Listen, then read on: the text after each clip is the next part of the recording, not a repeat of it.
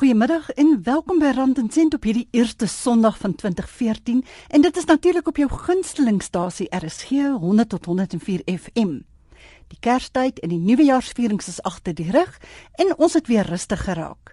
Baie van ons, myself ingesluit, wonder hoe ons ons geldsaake beter kan laat verloop in die nuwe jaar. Ek is Helen Ukerman. My ateljeegas vandag is Hein Kreer van Kreer Internasionaal en ons gaan gesels oor stappe wat 'n mens kan doen om jou gelddrome hierdie jaar te bewaarheid. Moet ons beter begroot? Moet ons meer spaar? Moet ons skuld afbetaal? Het ons 'n finansiële plan nodig? Wat beteken dit om finansiële doelwitte te hê? Dit is van die vrae waarop ons antwoorde soek. Ek het al verskeie vorige jare vaste voorneme gehad om hierdie jaar beheer oor my finansies te neem, maar hierdie jaar gaan ek dit regtig doen. Ek het reeds afspraak met 'n finansiële adviseur omdat ek agtergekom het daar is van my beleggings wat ek baie beter kan aanwend en daar is ook van my beleggings wat met mekaar oorvleuel en dit is 'n mors van geld. As twee beleggings in dieselfde instrumente belê, een vaar beter as die ander, hoekom het jy albei teen ekstra koste? Hein, ons het nou gehoor hoe hierdie luisteraar se doelwit vir die jaar is om haar beleggings agter mekaar te kry. Wat is finansiële doelwitte en hoekom het ons dit nodig as ons wil goed vaar met ons geld sake? Helene mense het een enigiets in die lewe doelwitte nodig sodat 'n mens kan weet waarheen jy wil gaan en hoe jy daarby moet uitkom. Met ander woorde, 'n padkaart. Nou, 'n doelwit is waarheen wil ek gaan en hoe kom ek daarby uit? Dit is my padkaart. En so werk dit ook in jou finansies. Jy sal nie finansiële sukses kan hê as jy nie goed gedefinieerde doelwitte het nie. Met ander woorde, jy weet wat jy wil bereik met jou geld sake. En dan tweedens, as jy nie 'n kaart het, 'n plan van aksie om daarby uit te kom nie. As mens nou so praat van doelwitte, kan jy vir ons 'n paar voorbeelde gee van doelwitte? Wel wat my betref is die belangrikste doelwit wat 'n mens moet hê en die eerste doelwit is uh om vir jouself te sê ek gaan hierdie jaar minder uitgee as wat ek verdien. En baie mense lag vir my as ek hierdie noem as die belangrikste doelwit wat daar is met geld, want Dit is die geheim om geld te maak. Dit is die ding wat die mense onderskei wat ryk is en die wat arm is.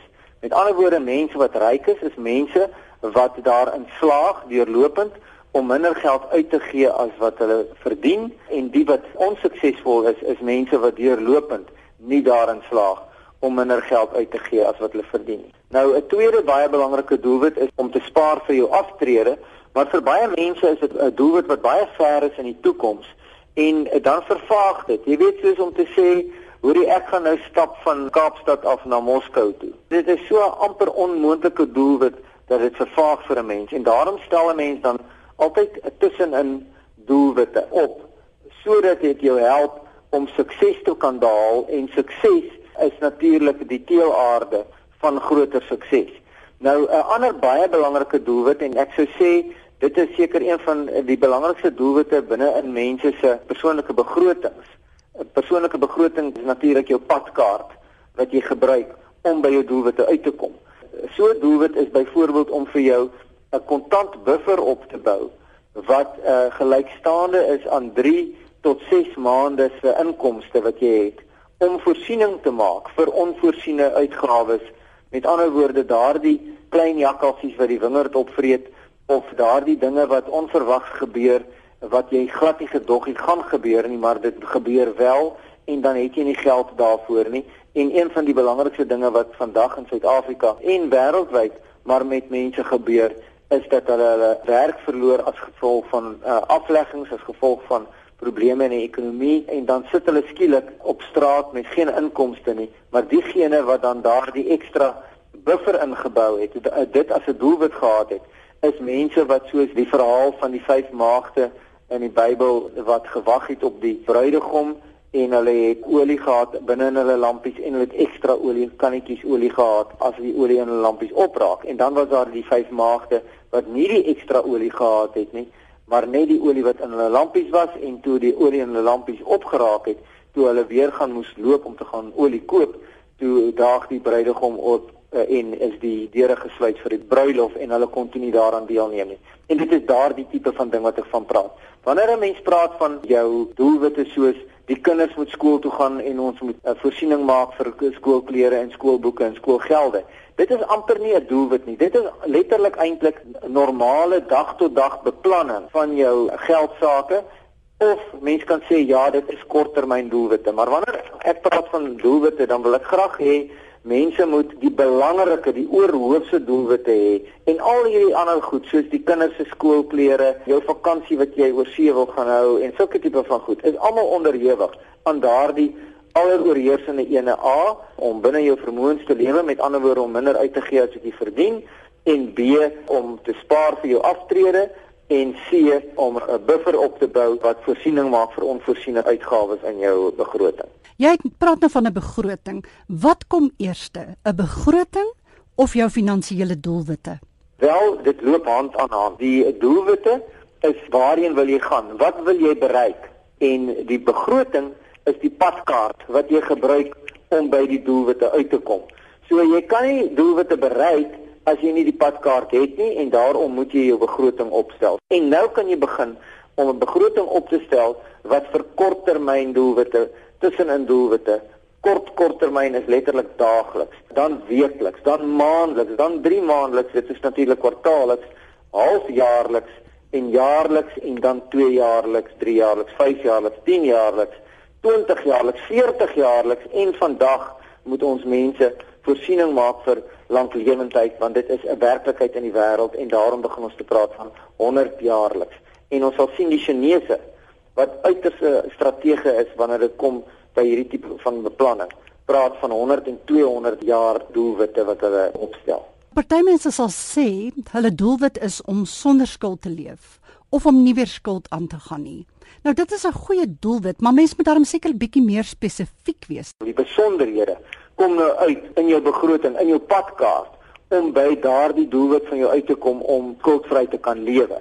Met ander woorde, as jy skuld het, dan stel jy begroting op wat spesifiek voorsiening maak daarvoor dat jy meer afbetaal aan jou skuld as wat die bank van jou vereis of jou skuldeisers van jou vereis. Met ander woorde, jy betaal nie net jou rente nie, maar jy betaal kapitale skuld terug om daardie kapitale skuld te delg en jou rentebetalings al hoe minder en minder te maak. Alle Suid-Afrikaners wat vandag skuld het, behoort dit een van hulle belangrikste doelwitte vir 2014 te maak, want Wêreldwyd sal rentekoerse van die huidige 40 jaar laagtepunt af begin styg in die volgende jaar of 2 en uh, 2014 gaan vir jou baie help om nie in daai slaggat te beland as die rentekoerse opgaan en jy gaan eenvoudig onderdeur omdat jy nie by jou uh, normale rentekoers skuld betaal sal kan uitkom nie. Ja, want jy het te veel skuldpaaiemente wat jy moet aflos. Dis korrek, ja. Jy is by Rand en Sint met Helen op RSG 100.104 FM en ons gesels met Hein Kreer van Kreer Internasionaal. Kom ons luister na 'n luisteraar wat dink dit is nodig om sy geldplan vir 2014 te hersien. Man, ek, ek dink uh, mense word ouer, my kinders is nou uit die huis uit. Ehm um, ek kom nou nader aan die aftree ouderdom, so ek dink ek moet maar 'n uh, finansiële raadgewer gaan sien sodat ek my geldsaake so 'n bietjie onder beheer kan kry. Moet 'n mens nou op 'n gereelde grondslag jou finansiële situasie en doelwitte hersien? Absoluut. Dis waar die sukses lê. Dit is waar die verskil weer inkom tussen diegene wat suksesvol is met doelwitstelling, met 'n begrotingsopstel, met ander woorde beplanning en die uitvoering van beplanning, want daar's twee bene aan beplanning. Die een is jy plaas die plan op skrif en die tweede been daarvan is nou voer jy dit prakties uit. En enigiemand van ons weet wanneer ons planne maak, is daar goed wat 'n bietjie vaag is en, en partykeer is dit goed wat jy dalk dink is klink klaar, maar ons ken nie die toekoms nie en ons weet nie wat in die toekoms vir ons wag nie en dan is dit nie so klink klaar gewees nie en moet ons ons planne verander. So daarom is dit baie nodig om weer terug te kom na daardie tydperke van jou horison tydperke wat ek dit noem van jou doelwitte en van jou begrotingsopstelling en dit is daagliks, weekliks, maandeliks, kwartaalliks, halfjaarliks, jaarliks, 3 jaarliks, 5 jaarliks, 10 jaarliks, 20, 40, 100. So mens gaan dan sê net maar een keer per jaar jou finansiële adviseur sien dat hy saam met jou jou plan, jou padkaart hersien. Dit is absoluut noodsaaklik en trouens die wet vereis dit van finansiële adviseurs om aan hulle kliënte te sê luister hier ek wil jou weer sien. Oh, dit is tyd dat ons weer by mekaar uitkom. En uit die aard van die saak kan die finansiële adviseur natuurlik nie die mense dwing nie. En as die mense nie gehoor daaraan gee nie, dan sê jy vind dat baie van hulle sorg dat hulle 'n uitnodiging aan jou stuur dat hulle dit op skrif het dat hulle dit gedoen het. En as jy nie daaraan gehoor gee nie, dan kan hulle vir die wetgewer sê, kyk hierso, ons het die persoon genooi en die persoon het nie daaraan aandag gegee nie. Baie mense kla oor finansiële adviseurs, maar uh, uiteindelik moet elke mens self die verantwoordelikheid neem vir sy doelwitstelling en sy beplanning wat neerkom op jou persoonlike begroting. Dan pas jou finansiële adviseur in die beplanning wat hy vir jou doen pas hy maar op 'n deeltjie van daardie daaglikse spandering van jou in. Persoonlike begroting en persoonlike finansiële doelwitstelling gaan alles oor spandering. Met ander woorde, die spandering van die inkomste wat jy het en hoe jy dit doen. En diegene wat suksesvol is daarmee, met ander woorde diegene wat binne hulle vermoëns lewe, wat minder uitgee as wat hulle verdien, is die mense wat bo uitkom. Dis nie die ouens wat die jackpot sal aan by Sun City of by die perde wedren of wat ook al nie diegene wat dit nie doen nie is die mense wat onderdeur spring. En weet jy, Helen, dit gaan nie oor hoe arm of hoe ryk jy is nie om suksesvol daarmee te wees nie. Baie mense wat ek ken, is mense wat in weeshuise groot geword het, wat in haglike omstandighede groot geword het, wat baie gesukkel het om te gaan studeer, maar hulle het vandag eendag besluit, ons bly binne in ons begroting, ons bly binne in ons plan. Ons gee nie meer uit as wat ons verdien nie en ons sal die gordel intrek en dan is hulle baie baie gou-gou is hulle mense na wie ander opsien en dan is hulle mense wat finansiëel baie goed daaraan toe is. Goed, hy ons praat nie heeltyd in die enkelvoud. Maar baie mense is in verhoudings uh, of is getroud. Hoe hanteer mens dit nou? Jy het nou jou geldplan uitgewerk, jou padkaart is reg. Maar jou maat het besluit 'n nuwe motor is dalk 'n goeie idee. Hoe hanteer mens daardie soort van konflik en bly jy nog steeds op die pad wat jy ingeslaan het? Dit is 'n geweldige belangrike beginsel wat jy sal moet aanspreek en dit is ons lewe nie alleen in hierdie wêreld nie en jy moet die mense wat saam met jou wat om jou is, is saam met jou neem. En as ons praat van 'n huishouding, dan sê ek altyd, mense praat van jou persoonlike begroting wat inpas by die huishoudelike begroting want jy kan nie alleen binne in 'n huishouding maar net maak en breek soos wat jy wil met die geld nie. Jy is verantwoordelik gewoonlik vir ander mense binne in 'n huishouding, wat ook al die verhouding is of jy 'n uh, ma of 'n pa is en of daar afhanklikes is of daar ouers is wat afhanklik is van uh, hulle kinders of van hulle kleinkinders pas in daardie begroting in.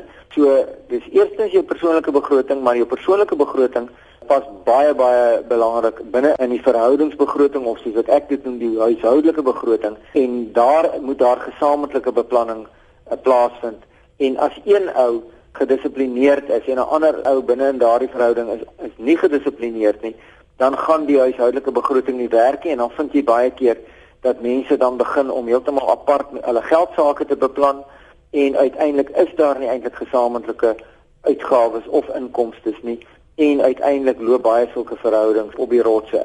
Dit beteken nie noodwendig dit sal op die rotse loop nie, maar dit beteken dat dit maar net mense is wat nie van 'n finansiële fasette verhoudings het en op die finansiële fasette besluit hulle om dit totaal en al alleen te doen. En dit is vir my ondenkbaar want in my huishouding ek, ek is gelukkig om met 'n vrou getroud te wees waar daar 'n baie goeie verhouding daarmee saam is en ek moet jou sê Helen ek vind oor al die jare wat ek met mense oor hierdie sake praat, sake wat ek met mense bespreek omdat ek persoonlik sukses daarmee kon gehad het dat ek by 'n punt gekom het waar ek vroeg in my lewe kon aftree en eintlik kon spesialiseer daarin om beginsels toe te pas op my eie lewe maar ook vir my ander mense te mentor daarin.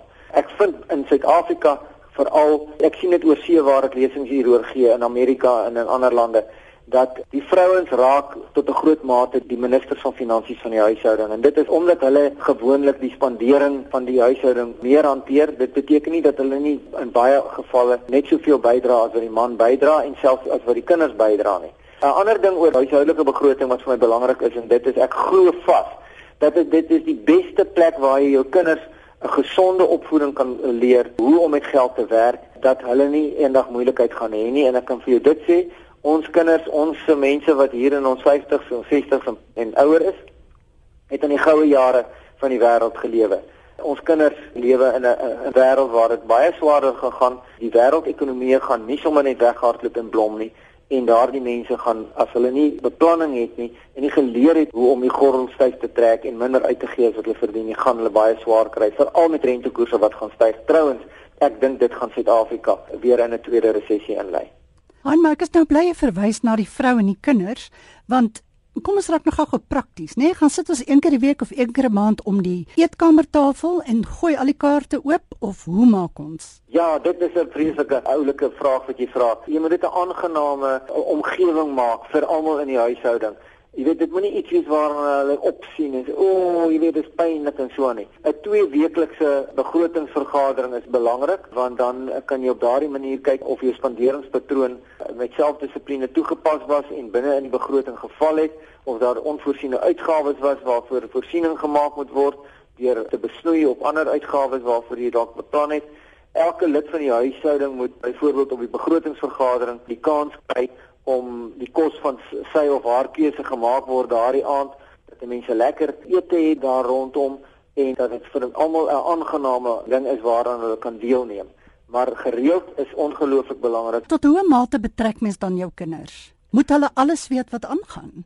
Definitief en ek is baie adamant oor daardie vraag dat mense moet sorg dat hulle kinders moet weet wat hulle geldsaake aangaan. Die dae wat geldsaake ergens onder die lakens in die slaapkamer van die ouers weggesteek word, is nonsens. Dis die rede hoekom meeste mense finansiëel in die moeilikheid is want daar waar hulle moes leer om met geld te werk, het hulle dit nooit geleer nie. Enig iemand wat kinders het sal vir jou onmiddellik sê dat kinders is seker die grootste uitgawe item op 'n huishoudelike begroting. En die kinders moet bewus wees daarvan dat hulle kan nie maar net vra en vra en vra nie want dit moet ergens vandaan gefinansier word en nie uit skuld uit nie, maar uit diegene in die huishouding wat die inkomste bronne is, het sy die die pa, die ma en dalk die ou boet en ouses al in sommige huishoudings. Wanneer kleinboet nou uh, sy item op die begroting bespreek word en hy sê hy het 'n nuwe T-hemp nodig en sy ma sê vir hom jong, die klerewinkel het nou net 'n oulike katoen T-hemde ingekry en dit kos R60 en hy sê nee, maar ek sal om die dood nie in so 'n ding gesien word nie. Ek wil een hê met een van hierdie bekende sporthandelsname op of iets wat cool is en dit kos R360. En dan sê die ma en die pa van nee sekerlik dit is geen probleem nie maar onthou nou jy sien mos nou hoe lyk die inkomste begroting daar is net plek vir R60 daarvoor. So jy sal nou moet gaan ekstra geld verdien buite die huishouding deur die bure se gras te sny deur by kafee op die hoek te gaan werk en op daardie manier gaan jy eh, nou daardie ekstra R300 maak vir daardie ding. Jy sê nie nee nie. Jy sê vir hom dit is die probleme so en jy moet help om daai probleem aan die inkomste kant aan te vul.